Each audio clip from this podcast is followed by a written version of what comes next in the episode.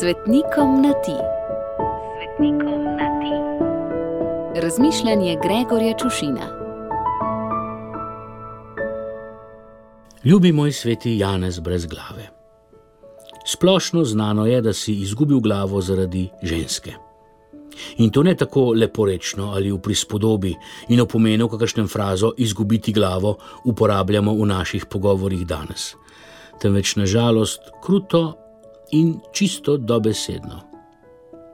Pravzaprav si, če sem natančen, glavo izgubil zaradi dveh žensk, ter seveda zaradi enega desca, ki se je obnašal kot baba in je kot prvi izgubil glavo, v leporečnem in prispodobnem pomenu fraze, zaradi teh dveh že omenjenih dam. Dovoli, da povzamem za nepoučene. Kralj Herod se je na svoj rojstni dan zažural in zapil.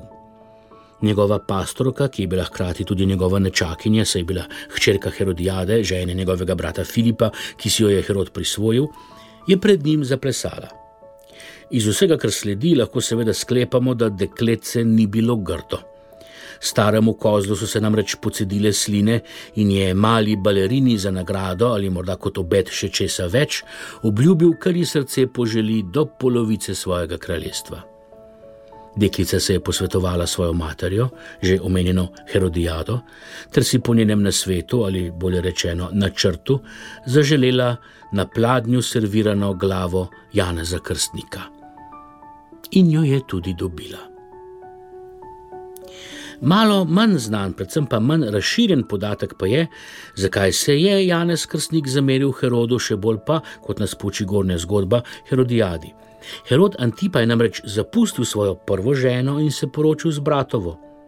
Nekaj, kar je po tedaj veljavnih zakonih veljalo ne le za nemoralno, temveč tudi za nedopustno. A oblast je oblast in slast je slast.